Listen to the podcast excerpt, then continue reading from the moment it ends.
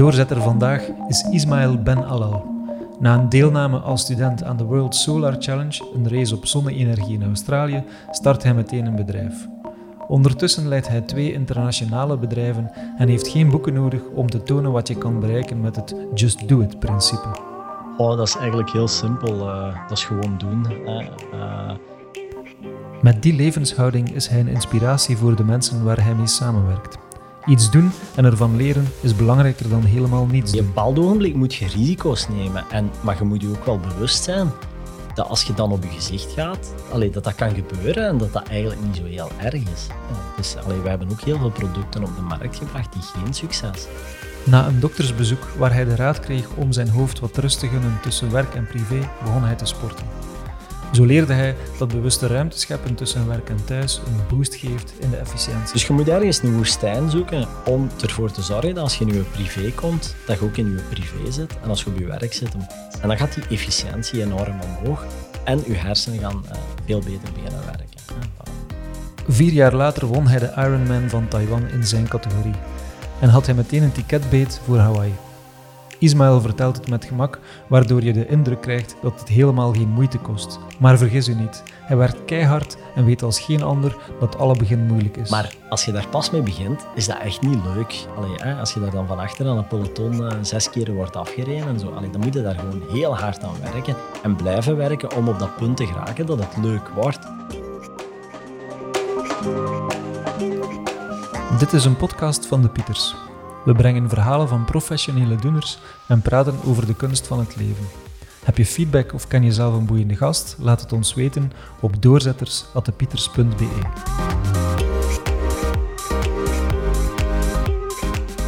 Ismaël, welkom bij de Doorzetters podcast. Doorzetten, loslaten vandaag, Ismaël, wat is het voor jou vandaag? Vandaag gaan we doorzetten. Hè. Doorzetten? Ja, ja, ja, toch wel. Ja? Is het ooit, is het ooit loslaten? Af en toe moet je zeker en vast. Soms moet je het ook zeker en vast loslaten. Ja, ja. toch wel. En op welk vlak is het dan specifiek doorzetten vandaag? Goh, vandaag uh, er zijn een aantal zaken die uh, leuke dingen die wel binnen moeten. Een aantal projecten waar we mee bezig zijn. En uh, die moeten op tijd binnen. Dus een aantal nieuwe, onze markt is ook wel een beetje aan het veranderen. Oké. Dus dat is wel doorzetten om te zorgen dat dat er allemaal op tijd is. Dat de mensen ook verder kunnen. Hè. Ja, want help ons even. Wat doe je vandaag, Ismael?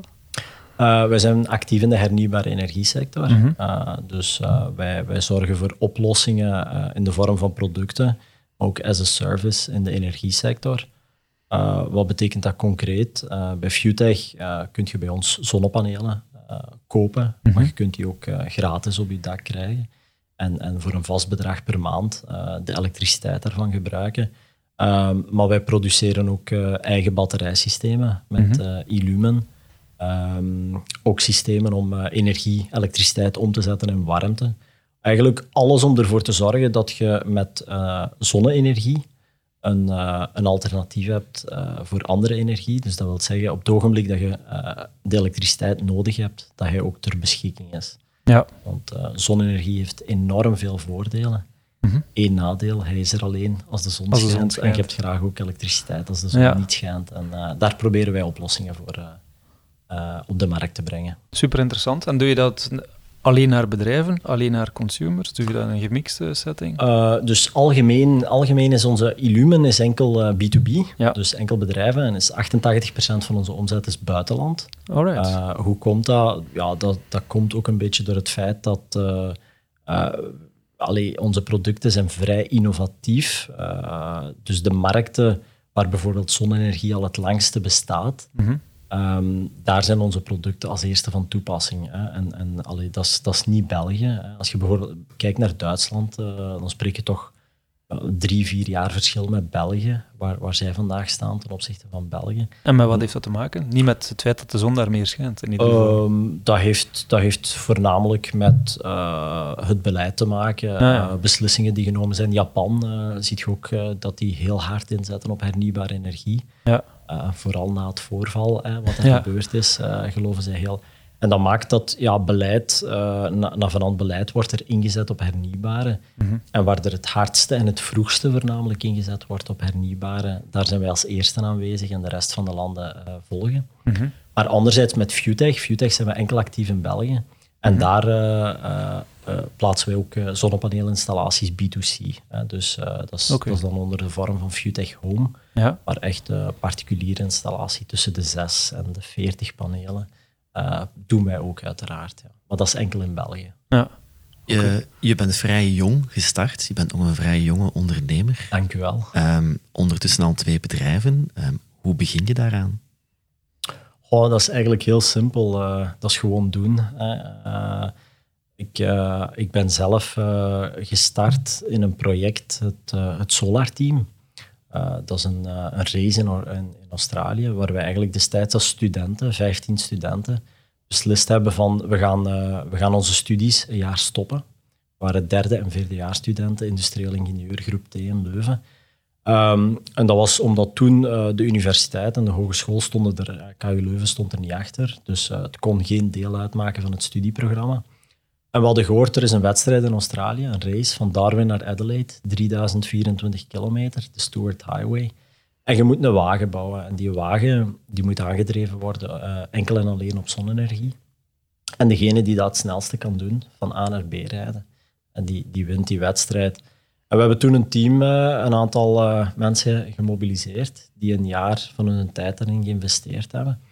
Uh, dat was in 2006. We hebben dan de race gereden in 2007. We zijn toen tweede geworden op het wereldkampioenschap. En ja, dan krijg je natuurlijk wel heel veel inzicht. Hè, want, ik, en dan leert je wel snel waar je goed in bent, wat je graag doet, wat je zeker later niet wilt doen en wat je wel wilt doen. En zo, zo zijn we dan eigenlijk met die tegengekomen van daarna, in 2007, hadden we dan die race gereden, zijn we dan teruggekomen.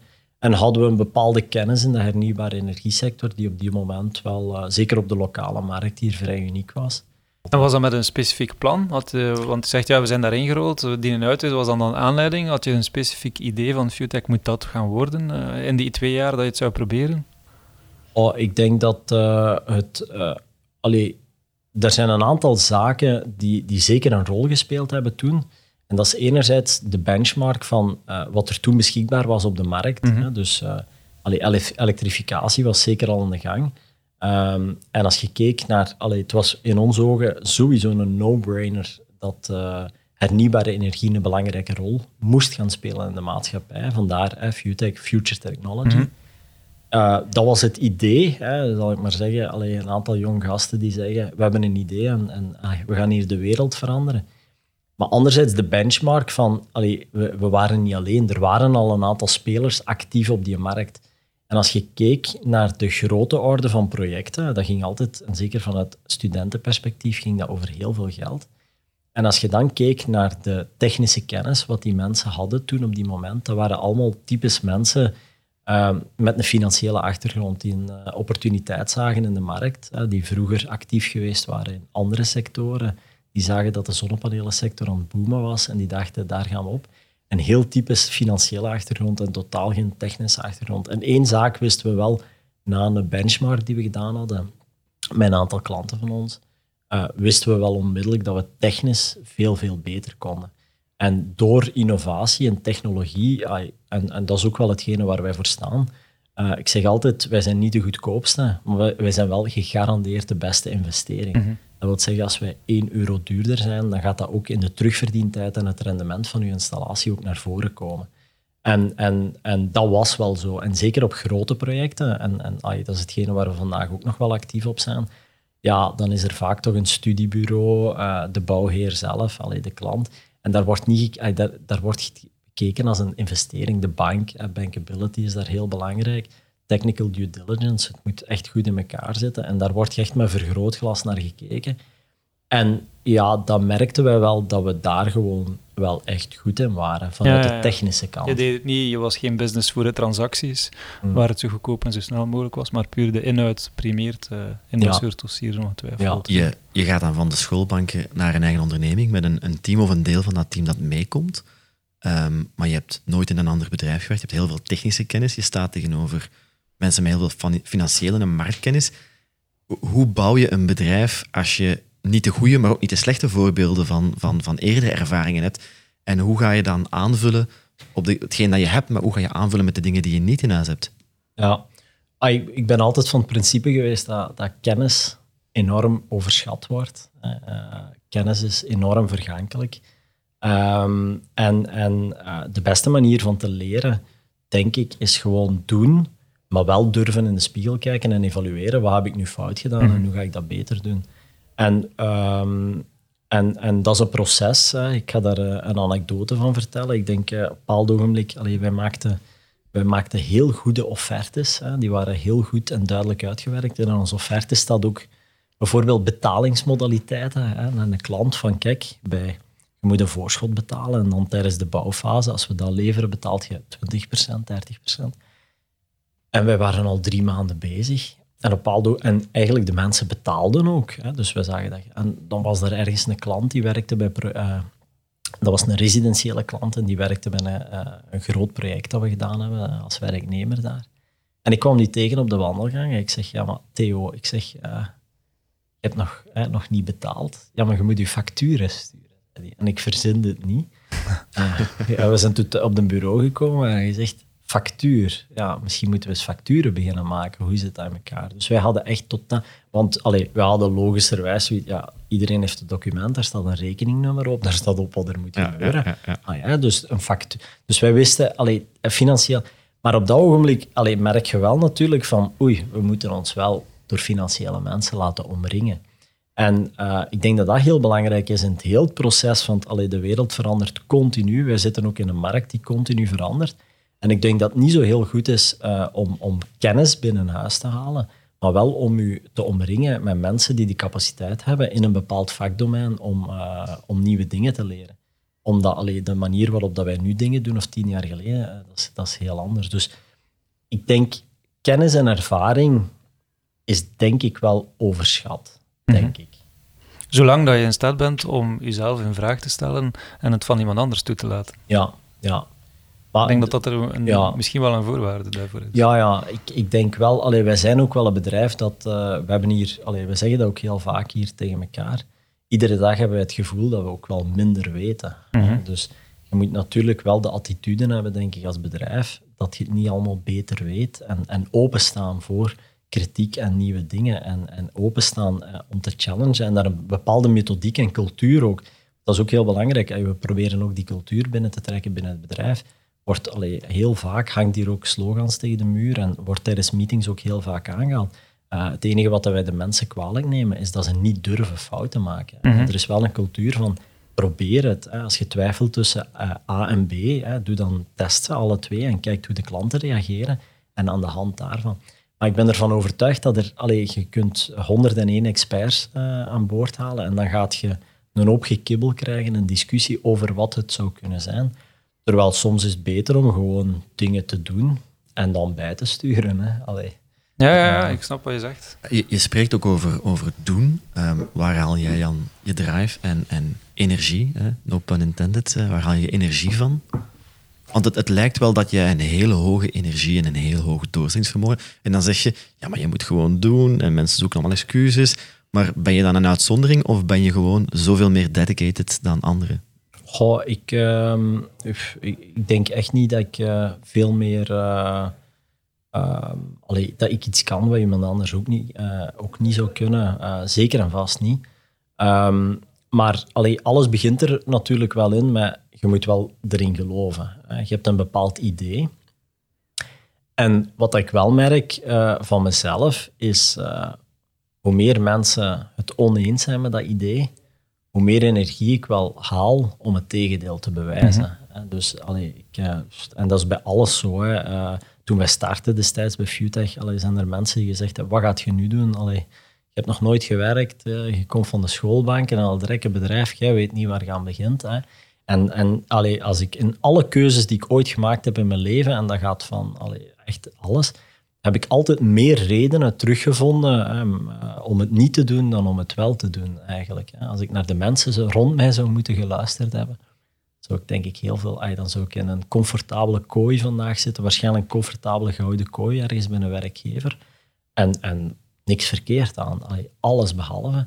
Maar ik haal gewoon heel veel uh, energie om mijn eigen ding te doen en, en dingen waarvan ik zelf echt geloof dat kan echt beter en, en dat moet beter. om dat gewoon op de wereld te krijgen. En, en ja, daar haal ik eigenlijk heel veel energie uit. Ja. Dus je beste advies is, luister niet naar andermans goed bedoelde advies. Uh, nee, dat zeg ik niet. Uh, mijn is vooral don't listen to negative people. They have a problem for every solution. Dus um, daar zijn, allee, dat, dat, is gewoon typisch aan mensen. Uh, bepaalde mensen zijn zeer conservatief en, en die doen dat ook niet om slecht te doen. Die doen dat soms zelfs om je te beschermen. Maar ja, als je altijd laat... Uh, allee, op een bepaald ogenblik moet je risico's nemen. En, maar je moet je ook wel bewust zijn dat als je dan op je gezicht gaat, allee, dat dat kan gebeuren en dat dat eigenlijk niet zo heel erg is. Dus, allee, wij hebben ook heel veel producten op de markt gebracht die geen succes zijn.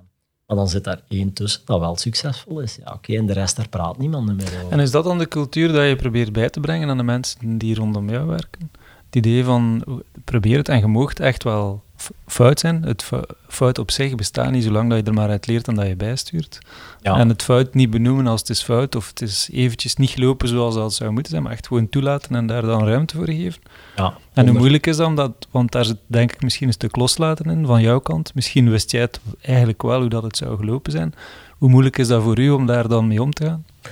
vroeger was dat heel moeilijk, hè, maar, maar allee, ik denk... Uh, dat is, dan spreek ik nu toch al over, over zes, zeven jaar geleden, dat ik dat heel makkelijk kan loslaten. Mhm. Ehm, en dat is het inderdaad. Het enige wat ik uh, onze mensen hier kan kwalijk nemen, is dat ze het niet geprobeerd hebben. Hier is nog nooit, en dan mocht je hier aan de mensen vragen, uh, iemand uh, afgeschoten omdat ze een fout gemaakt hebben. Maar wel omdat ze niet durven fouten maken. Um, want uh, dat, allee, het is echt die, die trial and error en, en gewoon die dingen doen, maar wel uiteraard op een bewuste uh, manier dingen proberen. Dat versnelt zoveel processen, dat versnelt die leercurve, dat versnelt, uh, ja, dat, dat, maakt ook dingen tastbaar. Dat is, dat, is, dat is gewoon ook veel leuker. Maar dat is een cultuur en, en je moet daar heel hard aan werken. En ik denk dat wij het voordeel hebben dat we daar op een vroege fase aan beginnen werken zijn. Waardoor dat eens als die cultuur in het bedrijf hier zit, dan beginnen de mensen vrij pragmatisch mee na te denken. Mhm. De grootste moeilijkheid die, die wij eerder hebben, is als wij, we hebben bijvoorbeeld bepaalde heel grote klanten, heel grote leveranciers, of, hè, waar we mee... En dat zijn andere culturen, hè, daar werkt dat niet. Ja. En, en ja, dat is ook soms het moeizame in ons proces om die dynamiek nog harder te krijgen. Maar dat is wel zo. Wij, wij motiveren echt wel de mensen om durven fouten te maken. Ja, ik stel me daar heel vaak de vraag, eh, is, het, is dat schaalbaar? Dus ik, ik zie dat heel vaak bij startups, bij scalers, bij kleinere ondernemingen. En dan kom je bij een grote onderneming die op de beurs zit, die grote aandeelhouders heeft en die zegt, als het maar voorspelbaar is. Zelfs al gaat het lichtjes naar beneden, zolang het maar voorspelbaar lichtjes naar beneden gaat. Als je zelf in jullie groeiplannen gaat kijken, um, is het dan een uitdaging om, om die cultuur te behouden? Of zeg je, uh, wij, wij gaan dat grote kapitaal, ja, wij, gaan, wij gaan gewoon onze eigen koers op eigen vermogen blijven varen? Um, ja, maar ik denk wel dat je een onderscheid moet maken tussen uh, de departementen binnen het bedrijf waar die cultuur moet heersen. Ja. je hebt, uh, een Niet in de boekhouding. Nee, ja, inderdaad. Je hebt een operationeel team of een financieel team of een legal team. En dat operationeel team, dat is, eh, here's the manual, execute en eh, liefst. En probeert alstublieft niet creatief te zijn. en doe gewoon wat dat. Dus allee, ik, ik, denk dat er een heel groot verschil is. Uh, dat je dat niet mocht veralgemenen, hè, hetgene wat ik hier aan het zeggen ben. Uh, ik heb het nu echt eerder over nieuwe businessmodellen, uh, onze R&D, hoe dat er producten worden gecreëerd.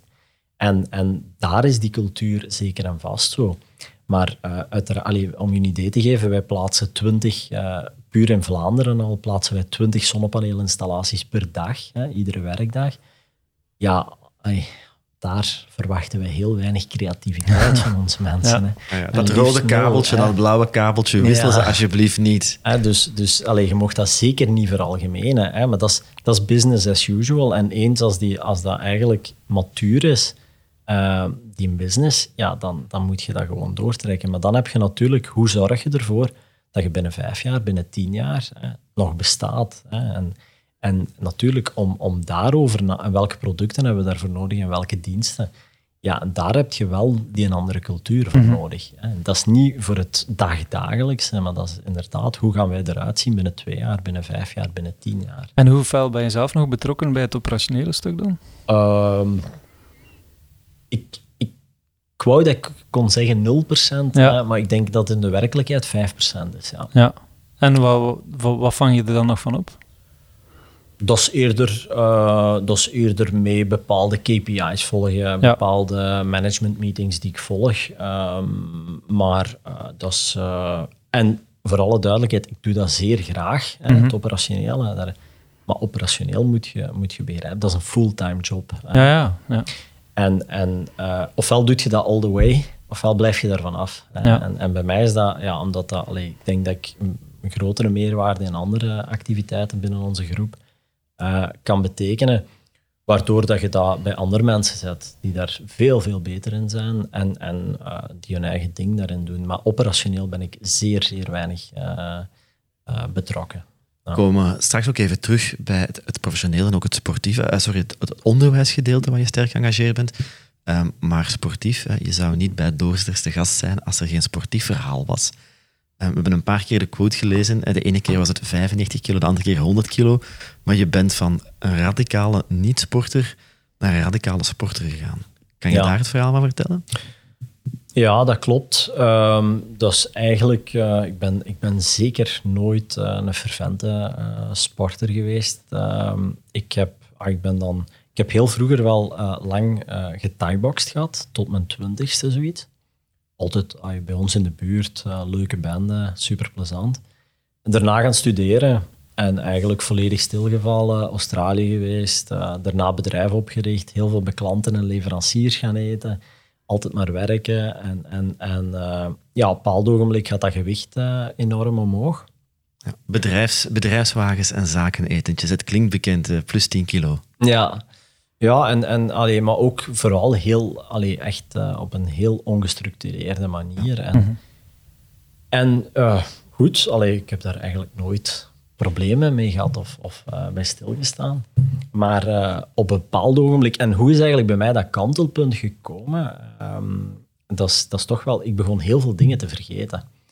En uh, op een bepaald ogenblik begon ik zelfs haaruitval te krijgen. Wow. Dus ik, ik, ik... heb er ook last van, maar bij jou is het wel teruggekomen. Dat is ook aan het denken. Misschien vind ik nu de reden ja, waarom ik, dat ik... nee, bij mij is dat eigenlijk, eigenlijk is dat een heel raar verhaal. Ja. allee, een heel raar verhaal. Ik ging, ik ging richting de 30, ik was 29 en ik was zwaar ondertussen. En, um, en, en op een bepaald ogenblik ja, begon ik inderdaad kaal te worden. Maar, en echt bovenaan de kruin. Hè, en en uh, dat ging echt op, op acht weken tijd van uh, een diameter van 1 centimeter naar 3 centimeter. Ja. En dat ging enorm snel. Toen als mijn vrouw zei van, uh, misschien moet je daar toch eens mee naar een dokter gaan. Hè, want, mm -hmm. want ja, ik dacht inderdaad richting de 30, man, ga kaal worden. Het zijn erger ja, dingen. Aanvaard het, scheer je hoofd en ga eraan voorbij. Ja, ik, het is dat. Ik, zou, ik lag daar nu eigenlijk gezegd niet echt van wakker. Uh, maar goed, uh, en dan ben ik een huidspecialist terechtgekomen. En uh, ik vergeet dat nooit, die vrouw die, die schudde me echt wakker. Die zei echt, die stelde een aantal vragen van, ah, ja, wat doe je? Ik zeg, ja, bedrijfsleider. Ah ja, ja oké. Okay. Ja, maar dat type kennen we. Hè. wel, je bent niet de eerste die door deze deur wandelt. En die, die bekeek dat zo eens, maar echt van, van ver, zo een keer naar dat hoofd. Ja, dat is stress. Hè. En ik moest daar een beetje mee lachen, want allee, ik heb nooit het gevoel stress gehad. Echt totaal niet. Um, omdat hetgene wat ik doe, doe ik echt heel, heel graag. En, en zeker die periode, ja, dat was gewoon mijn leven. Ik was er zaterdag en zondag mee bezig, maar niet alleen gewoon omdat ik het graag deed. Mm -hmm. en, en, dan associeer je stress met iets negatiefs en niet zozeer met de continue spanning waaronder je staat. Ja, ik associeerde... Ja, omdat uh, ze wel echt aangaf uh, en letterlijk gezegd van als je dit blijft doen, dan zit je binnen de zes maanden bij een burn-out. En dan kan ik, ik kan u de telefoonnummers geven van een aantal mensen die het hebben. En dan gaat je de eerste zes maanden daarna enkel nog uit je bed opstaan om te eten en naar het toilet te gaan. Hè? Dus dan word je wel zo eens wakker geschud van oei, die meent dat. En je geloofde dat direct? Nee, nee, nee. Ja. Ik geloofde dat helemaal niet. Ik moest er een beetje mee lachen ja. eigenlijk. Uh, omdat ik zoiets had van, ja, het gevoel van, allee, kom. Uh, wat gaat jij mij nu vertellen? Hè? Zo, de alwetendheid. Maar, um, en toen vroeg, die aan, uh, toen vroeg die ook aan mij van, ja, maar heb je geen signalen waarin dat je merkt dat je bepaalde... En mijn vrouw was daarbij toen ik naar de dokter ging. En uh, die, uh, daarbij zei mijn vrouw van... En dat was ook echt gebeurd. Dat was een aantal weken ervoor. Ik reisde heel veel. En ik zat in Australië op hotel. En uh, ze vroegen mij van, ja, Jolien belde mij s'morgens dan, en, en die zei van, ja, wat, gaat je, wat was je planning vandaag? Ik zeg, ja, ze komen mij halen van JA Solar en we gaan een fabrieksbezoek doen. JA Solar, zegt ze, dat is China, je zit in Australië. Dat heeft echt een halve minuut geduurd, voordat ik echt naar die hotel boek. Ah ja, ja, juist. Zit, maar dat ik het echt niet weet, dat ik dacht dat ik in China was. En, en, maar dat was gewoon zoveel reizen en allee, dat, dat gaat dan aan nu voorbij.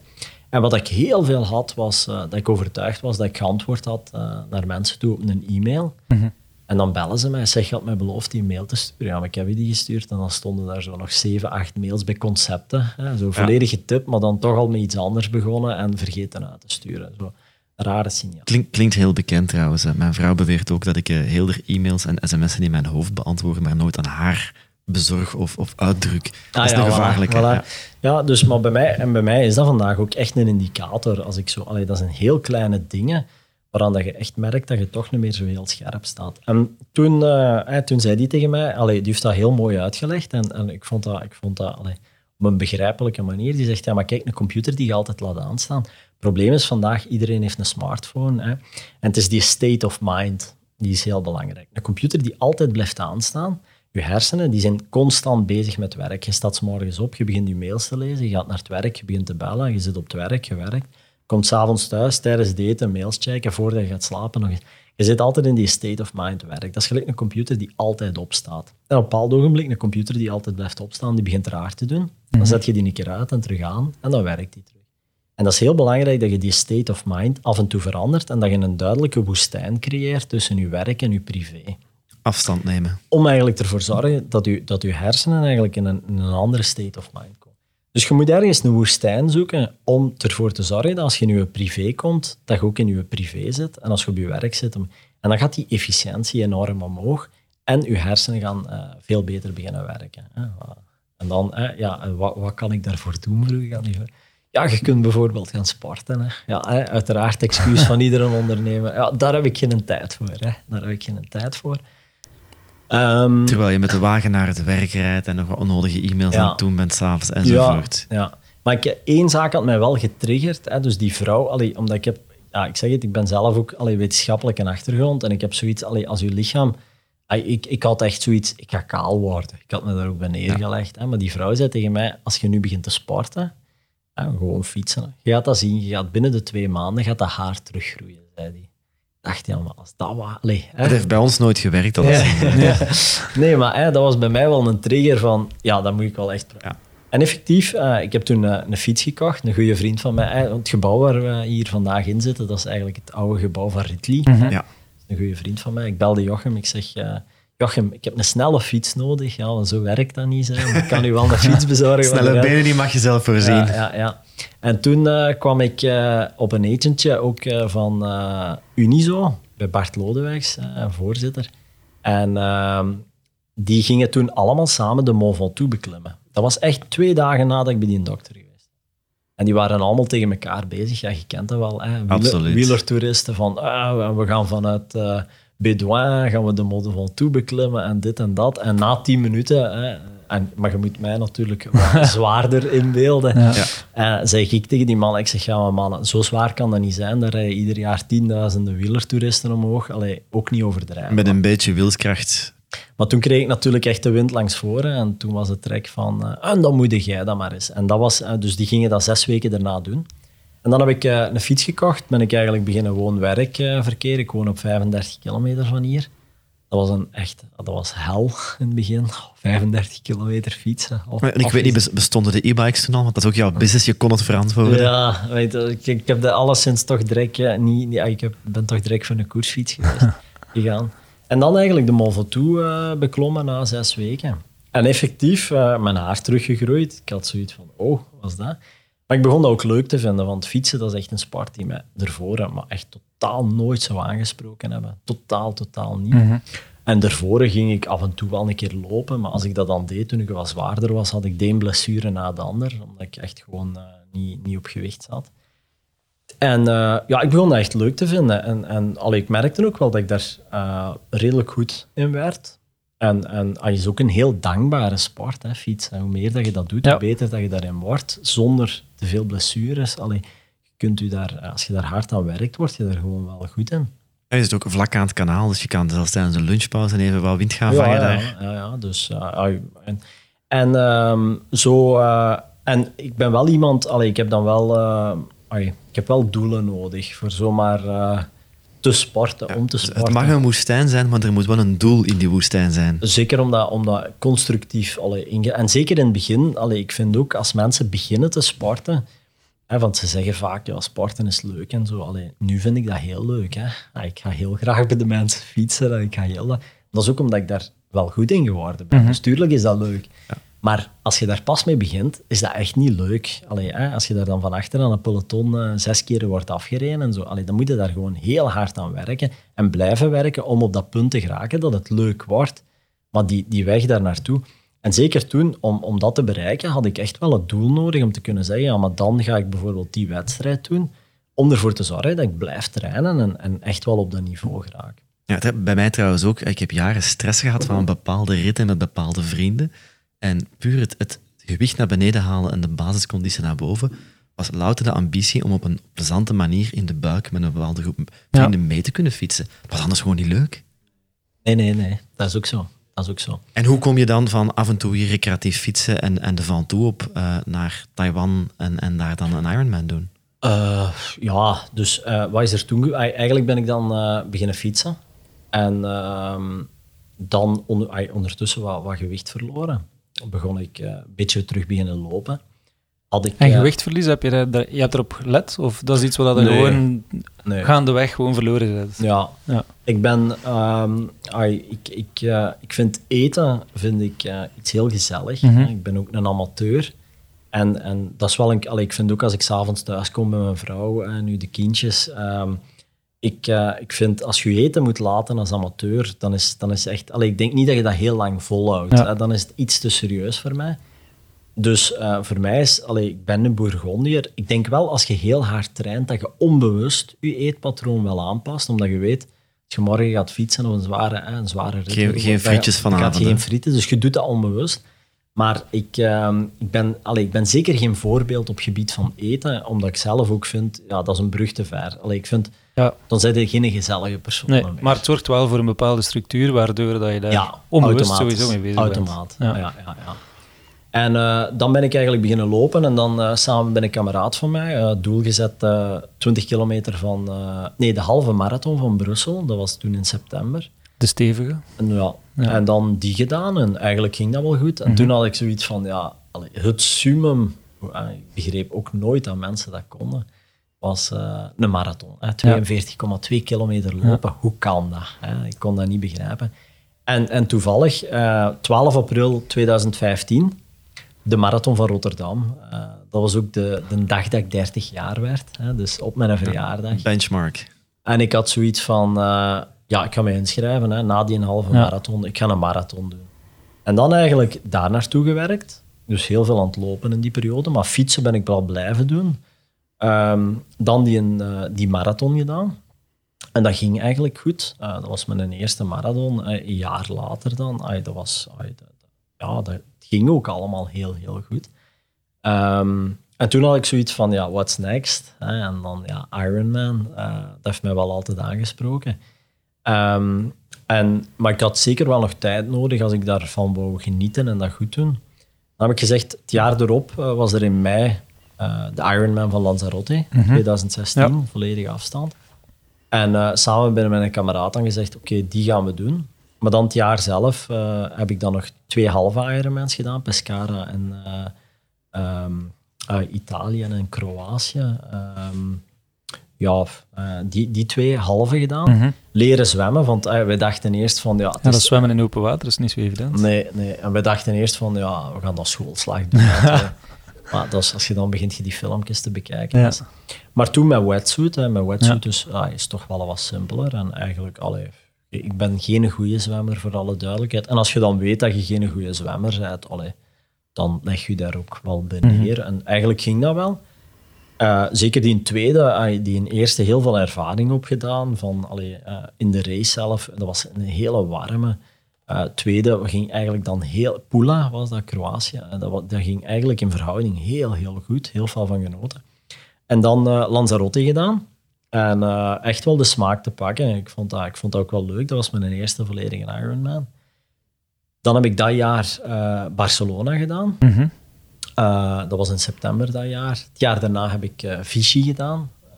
Um, en en dat ging eigenlijk ook goed. Heel slecht gezwommen daar. Dat was non-wetsuit. En, en, maar voor de rest was dat ook wel een goede wedstrijd. Uh, maar altijd, en, en dat benadruk ik, uh, ik ken heel wat mensen die altijd ambitie gehad hebben, ja, ik wil wel eens naar Hawaii en dit en dat. Ik heb nooit de ambitie gehad, echt niet, en ik meen dat, uh, om naar Hawaii te gaan. Mhm. Voor mij was dat allee, die metamorfose van mijn lichaam en de energie die ik daaruit haalde en die efficiëntie op het werk, allee, dingen die ik gedaan kreeg op, op zes uur op een dag, waar ik vroeger twaalf uur over deed. Allee, gewoon echt die, dat emotioneel betrokken zijn, veel meer aantrekken in het werk en zo. Allee, dat heb je niet. Als je sport zit je veel objectiever, je zit scherper, je, je kunt echt gewoon veel meer aan. Ja, wordt soms wel eens onderschat, vind ik. Ja, ik vind de, dat de, de mate waarin dat iemand mentaal scherp staat, fysiek scherp staat, wakker is, efficiënte uren heeft om dag, omdat hij getraind is. Ja. Dat ik ook zeg, maar laat mij vrijdagmiddag gewoon gaan fietsen, mijn hoofd is leeg, ik kan het erna weer volsteken. Ik ben zoveel meer waardevoller dan nu, dan ik er heel de dag op bureau kom zitten. En ook de emotionele betrokkenheid, ik denk dat dat ook zeer belangrijk is. Ik ken heel veel Enorm. mensen, die managers, die niet sporten, tegenover mensen die wel sporten. En niets mis met emotionele betrokkenheid, maar een keer dat dat je beslissingsproces proces te veel beïnvloedt, dan denk ik dat er ergens iets fout Omdat je geen afstand neemt. Ja, neemt geen afstand. Je zit Ja. veel, veel objectiever, veel scherper. Je, allee, dat, dat, dat is, maar je begrijpt dat pas als je dat, als Ja, je dat gedaan hebt. Absoluut. Ja. Uh, maar ik merk dat zelf uh, aan, aan heel veel zaken. En, het is, en, en soms moet je ook oppassen dat je niet in je oude sleur valt. Want het is, allee, het is typisch als, als de stapel op de bureau te groot begint te worden, dan denk je, ja, nu heb ik geen tijd om te gaan sporten, Ja. want ik heb nog zoveel werk. Maar het is juist dan dat je het meeste Mhm. nodig hebt. En allee, je, moet dat, je moet dat wel inbakken. En ik heb altijd tegen mijn eigen gezegd van, ja, voor mij is dit allee, een, een hobby. En ik ken heel veel vrienden van mij die, die proberen een, al, al tien jaar, tussen de vijf en tien jaar te kwalificeren voor Hawaii. Topatleten, allee, dat, die, dat ik zeg van wauw, allee, iedereen Mhm. zo direct. Maar ja, altijd net niet. Dus ik heb altijd zoiets gehad van Kona. Allee, ik vind dat eigenlijk zoiets. eh, eigenlijk vind ik dat iets giftig voor een amateur. Omdat allee, er zijn zoveel superatleten die, die, die echt, allee, als, als je ziet wat die kunnen, voor allee, je blijft een amateur, hè, je moet ook wel een beetje serieus zijn. Hè. Allee, het is een hobby, waarom doe ik dat? Ja, dat is een woestijn tussen privé en werk, niet meer, niet minder. En ik geniet daarvan. En als ik benchmark mijn eigen, allee, ik ga een voorbeeld geven. Ik heb hier de Tessenderlo Classic, hè, dat Ja. is een 10 kilometer loop. Ik heb, eh, in 2014 heb ik een 10 kilometer loop gedaan. Ik deed daar een uur en vier minuten over. En ik was echt kapot. Hè. 2018, hè, dat is vier jaar later, deed ik dit, eh, terug 10 kilometer op 32 minuten. Hè. Dus op de helft van Ja. mijn tijd. Hè. Ik, ik denk dat het best uitzonderlijk is, de progressie die je maakt op vier jaar tijd. Ik denk niet dat iedereen van een uur vier naar, naar 32 minuten... eh, Ja, dat weet, ja dat, dat, dat weet ik echt niet. Allee, Ja. Ik denk echt niet dat ik een talent ben. Ik denk dat echt niet. Er zijn veel mensen die dat... Ja. Allee, ik zie je ook lachen, hè, maar ik heb er wel echt heel hard voor gewerkt. Ja. Echt heel hard voor gewerkt. Maar ja, zonder hard werken kom je er niet. En, en, en allee, sowieso ben ik toch wel overtuigd dat, dat heel veel mensen tot een heel, heel, heel hoog niveau geraken Ja. met hard werken. Ja. En dat zal misschien geen 32 minuten zijn, maar misschien 37, Mhm. wat nog uitzonderlijk. ja, zeker. Allee, dat was- dus, ja. Ehm, en dat is hetgene wat ik wil zeggen. Als ik puur mijn eigen benchmark met allee, datzelfde lichaam, eh, drie, vier jaar ouder dan nog, wat dat ik nu kan, hoeveel scherper dat ik kan, ja, dat is voor mij veel meer waard dan een ticket naar Kona. Hè. Allee, en over die finish komen in, in, eh, op een Ironman, of dat dan nu vijfhonderdste is, of duizendste, of zesde, of eerste. Ai, who cares? Je doet dat voor je eigen. Hè. Allee, en, en ik heb mij daar eigenlijk altijd heel veel voor beschermd. En ik heb nooit, nooit, nooit ambitie gehad uh, Kona. Dan ben ik Zuid-Afrika uh, gaan doen. Daar, is me, daar heb ik dan een wat defect gehad. Uh, anderhalf uur stilgestaan, met een fiets kapot gegaan. Ai, iets stom meegemaakt.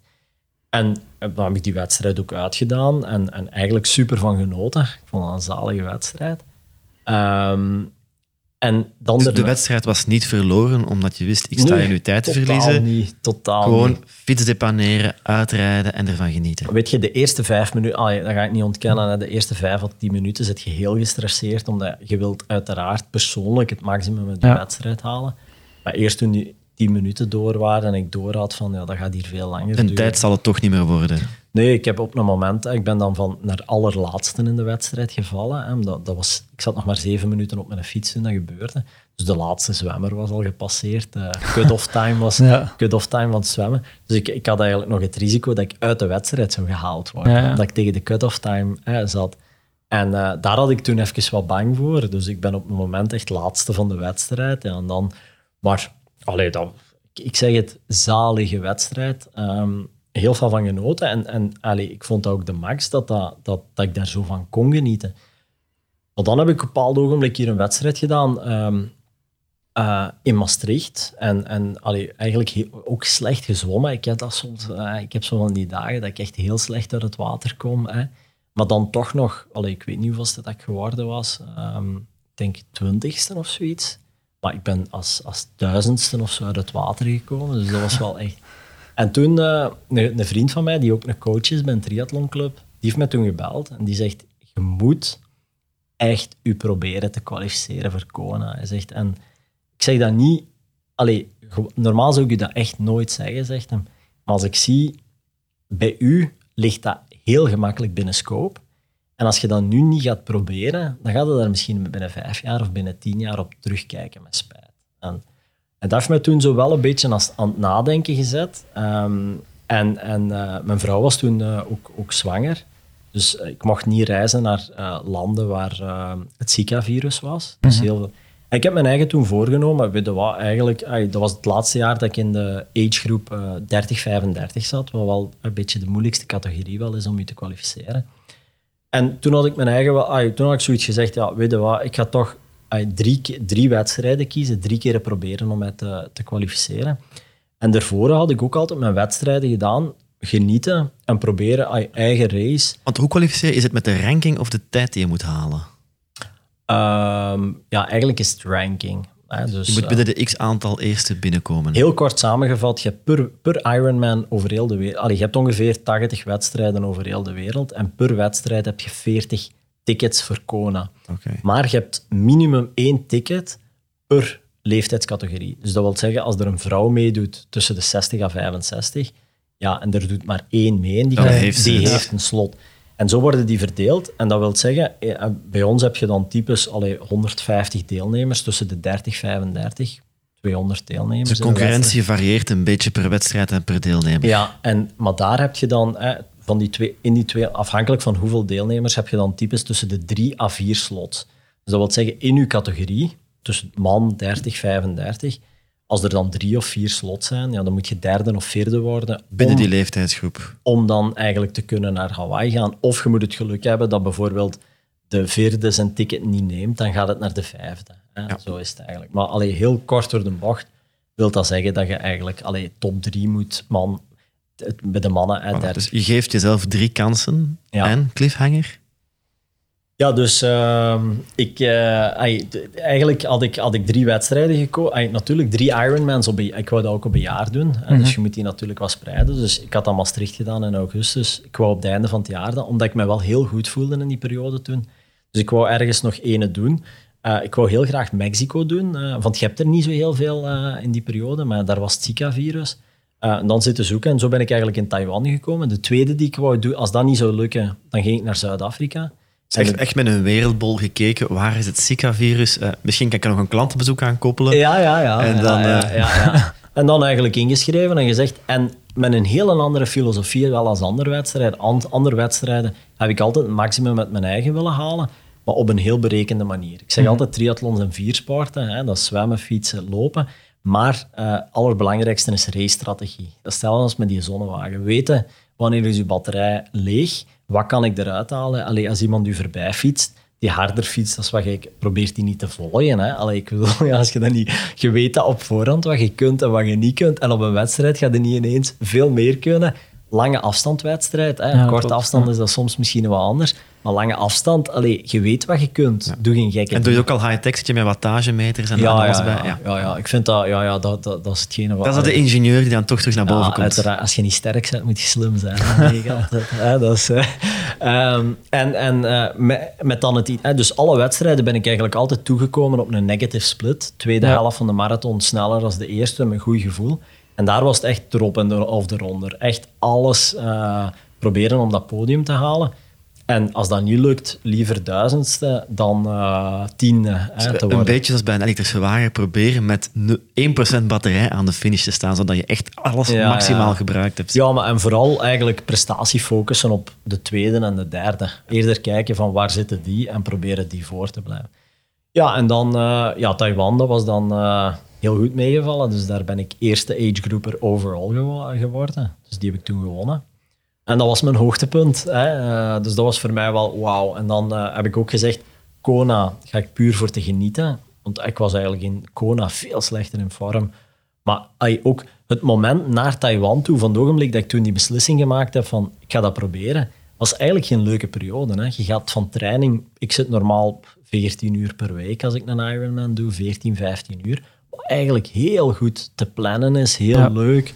Maar, en dan gaat je ineens naar 26, 27 uur. Hè. Allee, en, hè. en nog eens twee bedrijven grootbrengen en nog eens en twee de eerste kinderen, of de dochter, hè. tweede dochter toen? Ja, ja toen, uh, nee, toen, uh, toen eerste dochter. Maar dat, ik denk nog altijd, want ik liep... Ay, de, de, laatste Ironmans die ik gedaan heb, ik, ik loop altijd op... Uh, ay, bijna altijd top drie tijden in een Ironman, bij de agegroepers en mijn looptijden. En ik denk dat mijn dochter daar heel veel mee te maken heeft, want toen, toen zat Isa eigenlijk altijd... ik heb zo'n loopbuggy. En dan als je ik moest zo, harder duwen als je met haar ah, ging trainen. Ah ja, dus, als ik, eh, dus ik pak die buggy dan mee en zij zat daar dan in en dan 30 kilometer met haar lopen. Ja, ik heb onlangs uh, met een kameraad uh, meegelopen, ook zijn dochter uh, eventjes meegelopen. Ja, ja. Dat is echt dat, een training, hè? Dat, dat is ook wel leuk naar de mama toe die dan eens wil slapen, dat je zegt, ja, maar Dat ik zal toen wel vier ja. uur gaan lopen met die kleine. Ja. Maar die vond dat zalig. Hè. Die is dan twee uur, twee uur en een half aan het rondkijken. Die geniet daarvan. Maar Ja. ik merkte wel, ik, allee, dat was altijd in het weekend als ik duurlopen deed, zaterdag en zondag na het fietsen.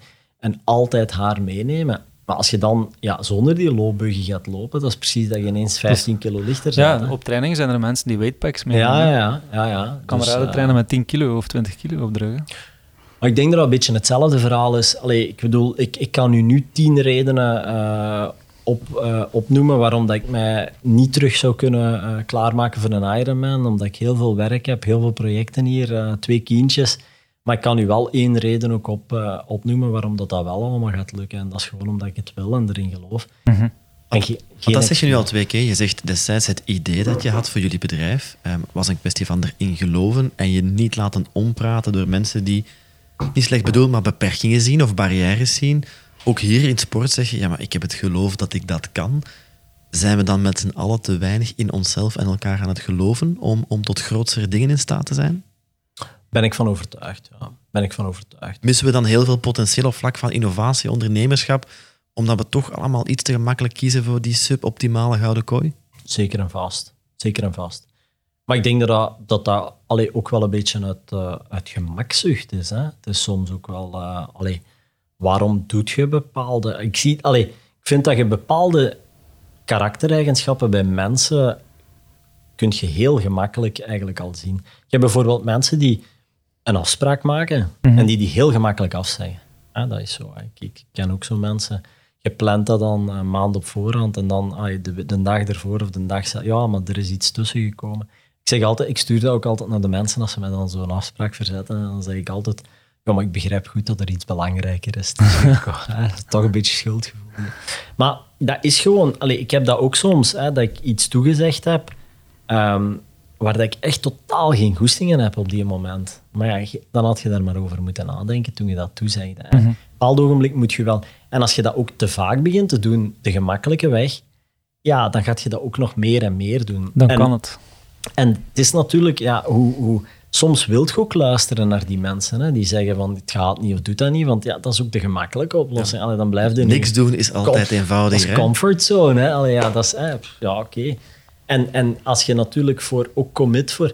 En die negatieve, allee, negatieve mensen, ik ben daar misschien... Maar dat is ook zo, die gaan er altijd zijn. Toen ik een Ironman deed en, en, en, en, en ik deed daar nog eh, veel langer over als nu, dan komen ze ook met verhalen. Ja, maar ik heb een vriend en die doet dat anderhalf uur sneller, of dit of... Ze gaan nu altijd... Er zijn altijd mensen die je toch nog een heel... Altijd na vanavond wat dat je doet, gaan je toch altijd een slecht gevoel geven. Van ja, maar er zijn er wel die dat nog veel beter kunnen. Ja, ja, en dat is vooral de fout, vergelijk niet naar boven toe. Nee, nee, nee. Maar probeer gewoon naar je eigen te kijken. Wat kan ik, waar sta ik vandaag? En, waar, allee, en, en te benchmarken in tijd ten opzichte van je eigen.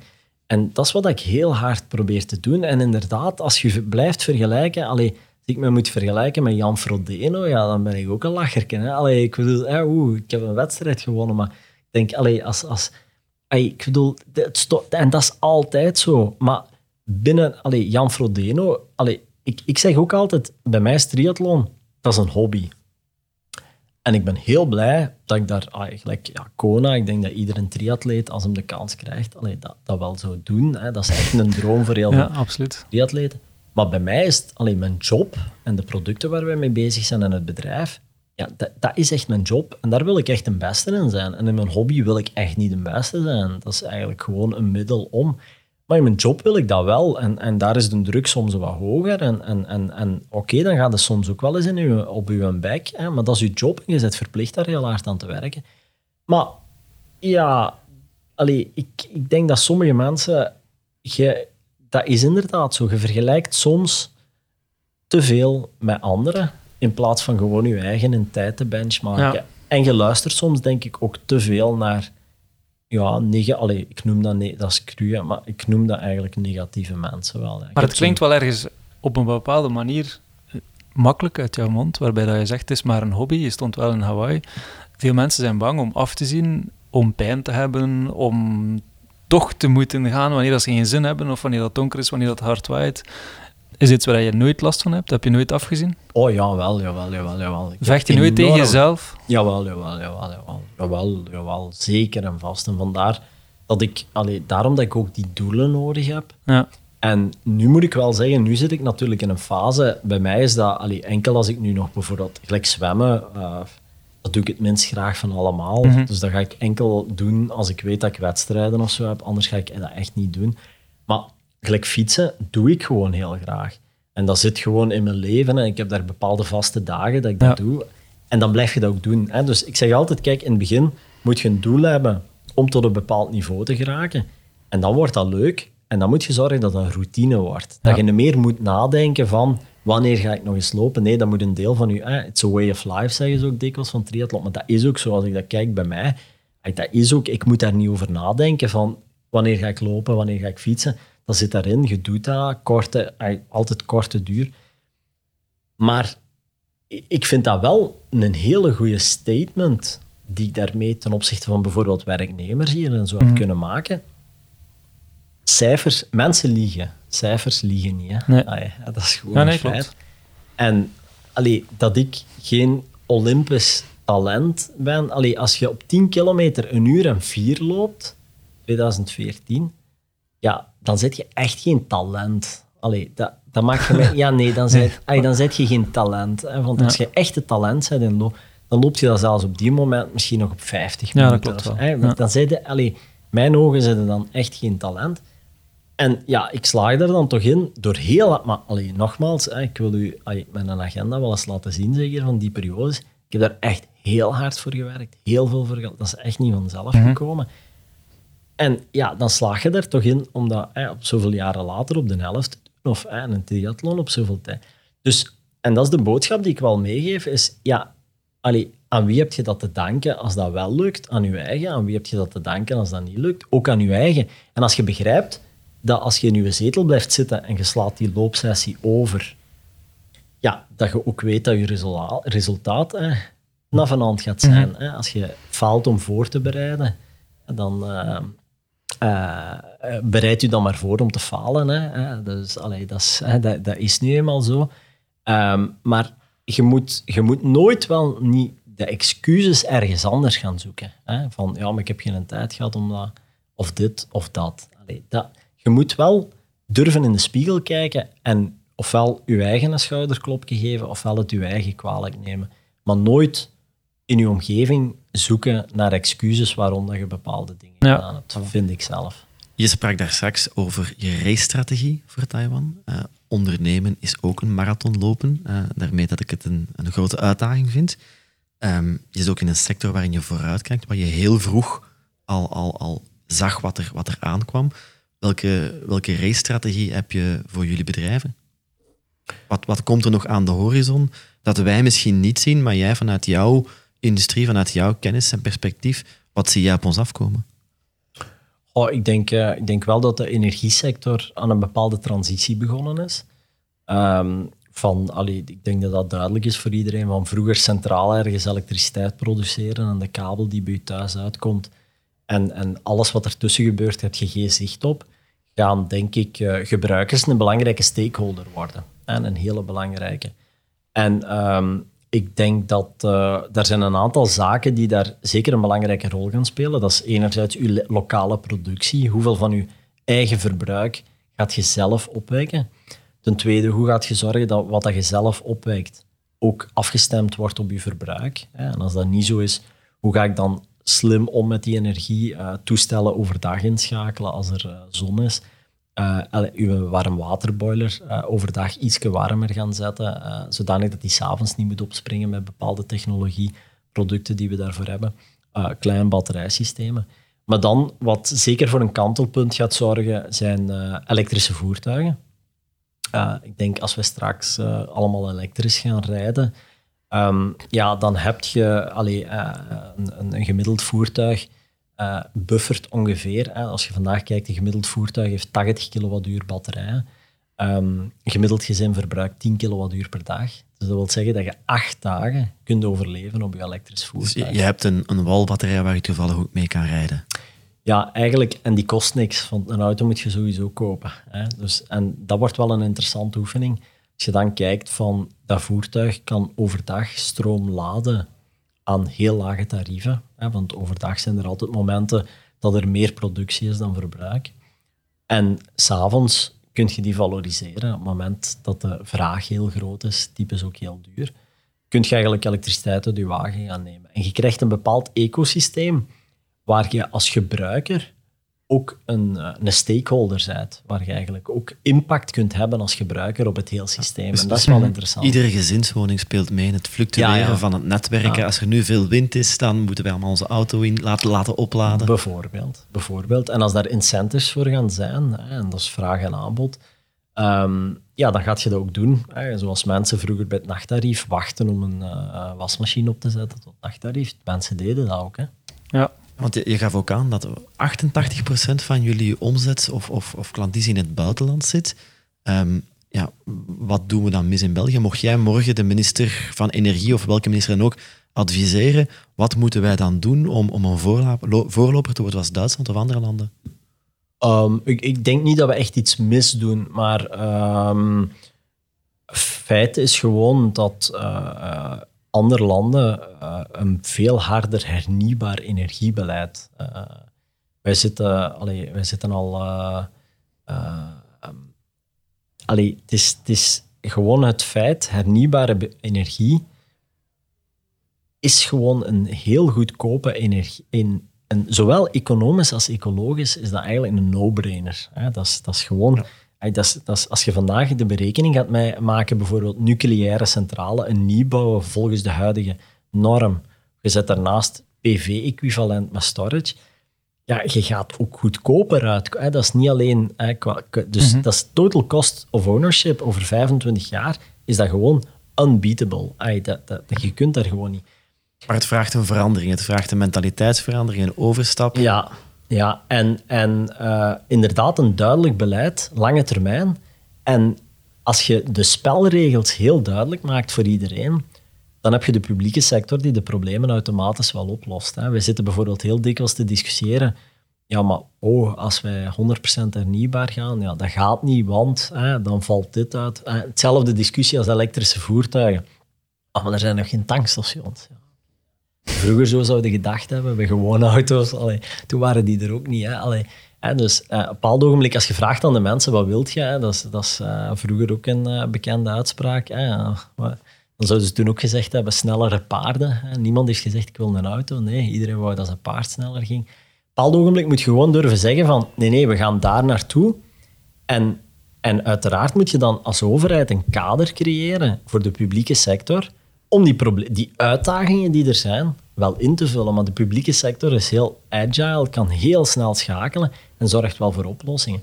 En dat er vervelende momenten daartussen gaan komen, dat is niet, maar dat is altijd in verandering. Hè. Dat is, maar op een bepaald ogenblik ja, moet je, en je hebt altijd ten opzichte van verandering, heb je altijd een bepaalde weerstand. Altijd. Hè. De Skypes van deze wereld, hoe lang bestaat dat al? dat bestaat al heel lang. Maar nu, sinds COVID, kent iedereen mm -hmm. ineens Teams. En, waarom? Ja, gewoon omdat het moet. En dan zien we van, ja, oké, heeft ook wel voordelen, heeft ook zeker nadelen, maar heeft wel zijn plaats in de maatschappij.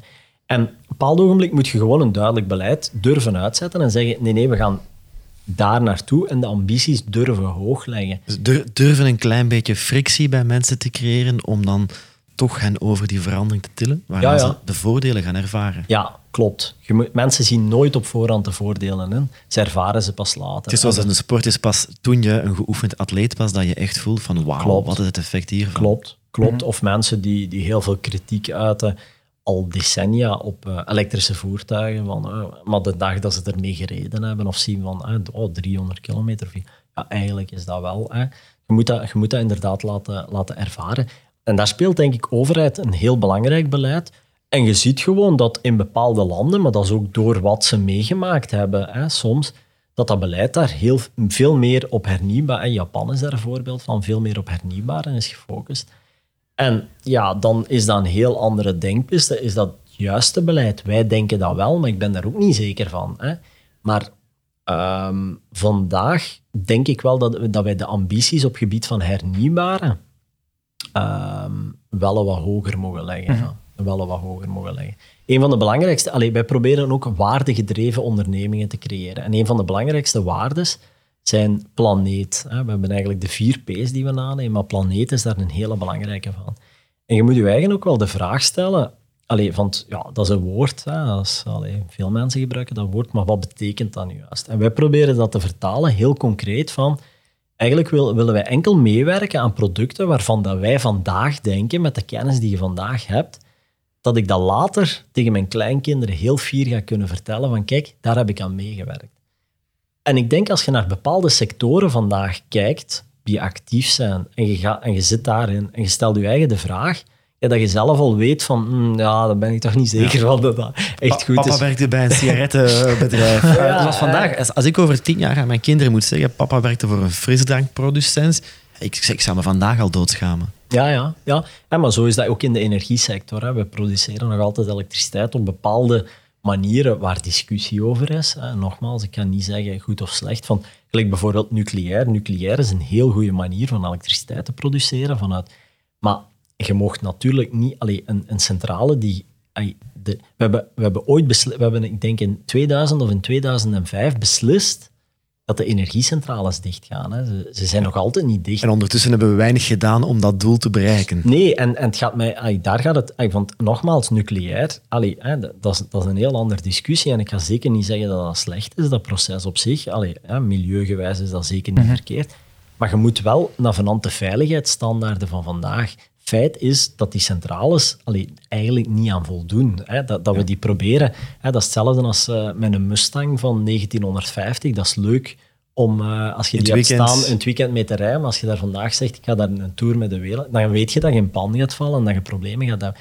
Dus die centrales zijn daar gewoon niet voor gebouwd. En allee, daar heb ik natuurlijk wel een beetje problemen mee, dat er gebenchmarkt wordt aan de hand van eigenlijk technologie die al twaalf keer is afgeschreven. Ja, oké, dan en ehm, waarvan het fonds om het te recupereren of af te breken ergens in Frankrijk uh, ligt te renderen, waarvan we niet weten of we het ooit gaan terugkrijgen. Ja, ja je moet soms gewoon, denk ik, disruptief allee, beleid durven voeren en verandering. En als je kijkt, allee, soms is, en dat is hetzelfde als wat ik er straks ook zei, van, was, de, was de opkant van de, als je een bepaalde vork hebt, ja, was het potentieel voordeel en was het potentieel nadeel? Ja, als je dan spreekt over planeet, allee, je kunt soms... Er is discussie over wat er gaande is met onze planeet en, en mhm. de impact op ons klimaat. En of dat dan nu allemaal klopt of niet klopt, ja, natuurlijk, allee, als je dingen blijft doen... Stel dat het wel klopt en je blijft dingen doen die niet oké zijn, ja, je kunt niet terug. Hè. Allee, hè. Dus soms moet je dan eerder kijken, ja, oké, was dan de impact... Dan kan ik misschien toch beter hè, beslissingen nemen die ja, waarvan dat ik zeker ben dat ze geen negatieve impact hebben. En dat is een ander beleid. En het mooie aan hernieuwbare energie is echt wel dat economie en ecologie echt wel samengaan. Uh, en dat beginnen ze wel meer en meer in te zien vandaag. Ja. Mooi. Je gaf bij het begin van het verhaal ook aan, de Solar Race vandaag heel bekend. Um, maar toen, het telde niet eens meer voor studiepunten, maar eindelijk kon je die, die theorielessen ook in de praktijk gaan toepassen. En, en heb je ook meteen het zaadje gelegd voor eigen ondernemingen, met teams, met samenwerkingen. Um, hoe kijk je daar vandaag naar, naar ondernemerscultuur, naar mensen die zoals jij je leven in handen nemen, het sportief, lichamelijk, maar ook, ook professioneel, uh, rol van onderwijs. Ik, ik val altijd achterover als we nog discussies hebben over moeten we nu Latijn en Grieks gaan aanbieden, dat ik denk, ja, misschien moet je die programmeertaal eens bekijken of moet je er anders. Ik, ik, hoe kijk jij daarnaar? Ja, um, ik, um, ik zit zelf ook in het stemplatform. En, en, um, en dat is ook een beetje uit, uit eigen ervaring. Als ik kijk, ik, ik, ik zie eigenlijk pas het nut. Ik heb pas het nut ingezien van het studeren en alles wat ik gedaan heb, eigenlijk in 2007. Hè. Toen heb ik dat pas begrepen van, eigenlijk is dat wel goed dat ik dat allemaal gedaan heb, dat ik die technische achter... En vandaag nog altijd, dagdagelijks, al die kennis die ik heb, die basis, die analytische kennis, komt me nog altijd dagdagelijks van pas. Dat is gewoon, allee, dat is een enorme sterkte. En met stem leert je heel dikwijls, allee, heel, leert je analytisch omgaan, probleemoplossend denken, hoe programmeert je, hoe... En dat is echt super belangrijk, want de kennis op zich eh, niks verkeerd met Latijns, maar allee, dingen weten, ik denk dat de waarde daarvan echt minder en minder gaat worden. Want als je iets niet weet, dan kun je dat heel snel opzoeken. Hè? Veel sneller dan ooit tevoren. Mm Maar het is wel zo, hoe gaat je met die informatie die je opzoekt om? Hoe weet je welke informatie correct is en niet correct is? Wat doe je daarmee? Hè? Dat vermogen. En daarom denk ik dat stemrichtingen heel belangrijk zijn voor onze uh, voor onze economie ook uh, en onze welvaart. En daar is gewoon een veel te weinig instroom van uh, stemprofielen in de industrie. Hè? Dat is zo. En dat komt eigenlijk door een aantal doelgroepen die vandaag helemaal niet ehm, aangesproken worden. Er zijn enerzijds veel te weinig meisjes die stem doen. En meisjes zijn enorm belangrijk voor onze maatschappij omdat die ook een andere manier van uh, denken hebben, die, die heel complementair is. Spreekt hier de vader van twee dochters of toch ja, een uh, liefde voor de vrouw? Ik, ik moest dat zeggen. Dus dan zijn we mij verplicht om dat te ja. zeggen. Jij ligt daar onder de sloef van drie vrouwen. Ja, dus, uh, ik heb een heel ander maatschappelijk beeld sinds een aantal jaar geleden. Nee, maar, dus de, nee, maar ik geloof daar ook wel echt in. En, en ik ken ook wel een aantal, ook vanuit stemplatform, een aantal fantastische vrouwen die, die CEO zijn van heel mooie bedrijven in Vlaanderen, heel grote bedrijven. Ehm, en, en je ziet dat ook. Hè? Dus die, die hebben enorme sterktes die, mhm. die wij mannen echt niet hebben. En als je die kunt um, in die stemrichtingen uh, krijgen, ja, dat is, dat is echt allee, dat is zo, zo belangrijk voor onze welvaart en samenleving. Maar hoe doet je dat? Je doet dat niet door te zeggen, ga stem uh, studeren. Maar je doet dat door te laten zien uh, hoe, wat wil dat zeggen? Als ik vandaag sportschool, als ik vandaag met een fietser ga samenzitten, die is niet geïnteresseerd in stem. Tenzij dat ik die begin te vertellen van, ja, maar wist jij, als je je houding zou aanpassen op je fiets, je zit nu zo, maar stel dat we je iets anders op de fiets zetten, ja, dan kan het zijn dat je CDA met 10% gaat dalen, waardoor dat je eigenlijk met dezelfde power 10% harder gaat Kom eens mee naar de windtunnel. Dat je ja. plaats een gemiddelde snelheid van 30 als je gaat fietsen. Gaat je naar 32,5 of 33, puur door anders te zitten met je fiets. Dan gaat hij zeggen, hoe? Allee, dat kan niet. Want als je dat in wattage, in power output moet trainen, dan zit je drie jaar bezig voor... Allee, dat, hè, dat, is, dat is, dus als je dan, hè, een zwemmer, juist hetzelfde. Allee, hoe dat je in het water ligt, hoe zit dat? Stuurkracht, hoe, hoe werk je daaraan? Uh, waarom is dat zo belangrijk? Waarom kun je Waarom is dat ook niet als ik twee keer zo hard uh, op power geef, waarom ga ik niet twee keer zo snel? Hoe werkt dat? Waar, waar ligt dat optimum? En bewust maken, heel specifiek per student, waar van stem echt, dat zit in alles. Alleen in alles wat dat we doen. Maar ik denk wel dat er een, een grote uitdaging ligt in ons uh, onderwijssysteem om eigenlijk um, ja, echt effectief aan te tonen stem, hoe dat, dat per doelgroep kan ingezet worden om zo meer in En moeten we dan weg van de verhalen en moeten we allemaal ingenieur worden? Ehm, stem wil niet zeggen ingenieur. Hè, dus- Nee, ja, maar het, het heeft een bepaalde ja, analytisch vermogen, of het scherpt een bepaald analytisch vermogen om te weten hoe iets in elkaar zit, te kunnen toepassen en met de kennis die je opdoet iets gaan bouwen. Of jezelf verbeteren, of een proces aanpassen. Ja, klopt. Ik, ik denk dat dat wel eigenlijk een basiskennis is die we allemaal moeten hebben. Terwijl er mensen eigenlijk soms niet geïnteresseerd zijn in hoe het in elkaar zit, maar wel willen weten hoe mooi iemand op zijn fiets zit en welk tenue hij aan had wanneer hij de streep overging en welk volksvermaak er ontstond, zonder te weten welke dynamiek dat rond, rond ontstond. Ja, maar vaak, hè, dat- als je nu zelfs gaat kijken bijvoorbeeld naar kunst, hè, Ja. eh, wat wat ook een opleiding is, ja, ook daar komt wel stem te pas. Hè. Hè, ook daar. Ja, ja, ja, absoluut. Ja. Dus, en daarom zeg ik het juist. Het gaat, dus, allee, het gaat zeker niet over de mechaniek of eh, het ingenieur. Van, dat is inderdaad hetgene waar, waar stem vaak aan gelinkt wordt. Maar dat is eigenlijk... Allee, stem is veel, veel meer dan dat. Hè. Het, is, het is in, per, eh, per vakdomein allee, begrijpen hoe dat je dat allee, analytisch eigenlijk kunt... eh, hoe dat het in elkaar zit en hoe, Ja. dat je, en hoe met informatie omgaan en Ja. hoe dat te verbeteren. Ik heb eh, deze week nog met mijn jongste zoon naar een YouTube-filmpje gekeken over het wereldrecord eh vlieger gooien. Dus papiergevouwen vliegertjes, een filmpje Ah, van. Wired. En hij vroeg ook al twee dagen, we hebben het uiteindelijk gedaan om dat wereldrecord vliegende vliegertje te maken. We hebben dat vandaag gevouwen en het, het vloog opmerkelijk veel beter. Maar het is een filmpje van een half uur, Wilt waarin vijf à zes momenten eh, uit items of, of prototypes getoond worden en uitgelegd worden waarom dat de drijfkracht van dat ene vliegtuig zoveel verder is. En je ziet, het blijft hangen, maar het is ook meteen heel speels. Hè. We hebben dat Ja. vliegtuigje gemaakt, we hebben het getest en hij had zoiets van wauw. Ja, Mhm. Dat is fantastisch, toch? Allee. Ja, dat is toch... Dat is, En, en ik vond het ook leuk. ja, ja, ik vind... Maar dat is ook zo. En als je natuurlijk dan alle jongeren daar vroeg mee laat spelen, ja, dan gaan ze ook veel beter begrijpen waarom wel of niet een stem. Hè. En Ja. er moeten ook zeker mensen allee, hè, niet... Maar stem, vandaag is het wel zo dat de cijfers liegen er niet om. We hebben gewoon veel te weinig instroom. Het probleem is gewoon, waar, allee, waar moeten we ze vinden? Allee, ze zijn er niet. Er is een tekort. En, ehm, en dat is toch wel belangrijk voor... Maar het is ook een mentaliteit. Hè. Ja. Het is ook een, een, ja, de wil om het te begrijpen en vanuit begrip iets te doen. Veel meer dan zien wat er gebeurt en dan niet verder denken. Ja, klopt. Maar, maar allee, ik, ik geloof ook wel in, in het feit, allee, vaak, zijn het, het, vaak moet je die beslissing nemen als je 11 of 12 jaar bent. Ja, klopt. Ja. Ik weet niet of dat je dan echt 100% weet wat dat je wil. hè. Nee, dan is het Ja, uiteindelijk is het gewoon, Nee, geef, ja. geef de grootste sociale status aan de richting eh, die we samen heel belangrijk vinden. Ja, Eh, en, en noem dat dan geen Latijn of ah, zo klopt. meer. Ah, maar zo, ja, maak, dat, klopt. maak dat heel belangrijk. Ha- Hang daar grote voorbeelden aan, aan vast. ja, Eh, en het zal wel vanzelf lopen hoor. ja. ja. Maak er een verhaal van. ja, ja. Maak er een verhaal. Ja, ja, en dat watervallensysteem van eh, ik, ik laat eerst mijn kinderen in ASO, want dat is hoger. En als dat niet lukt, stuur Nee, ik ze naar TSO.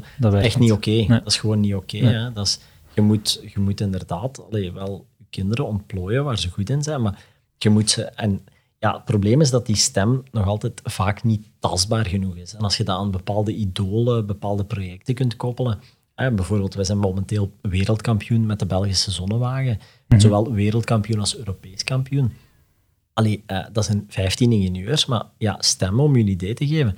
zijn mensen die bezig zijn met PR, marketing, mechanica, elektronica, teamleiding, sponsorship. Allee, hè, dus dat, dat, dat is meer als allee, die, die mensen met Ja, ja. die doen wel meer dan, eh, dan dat.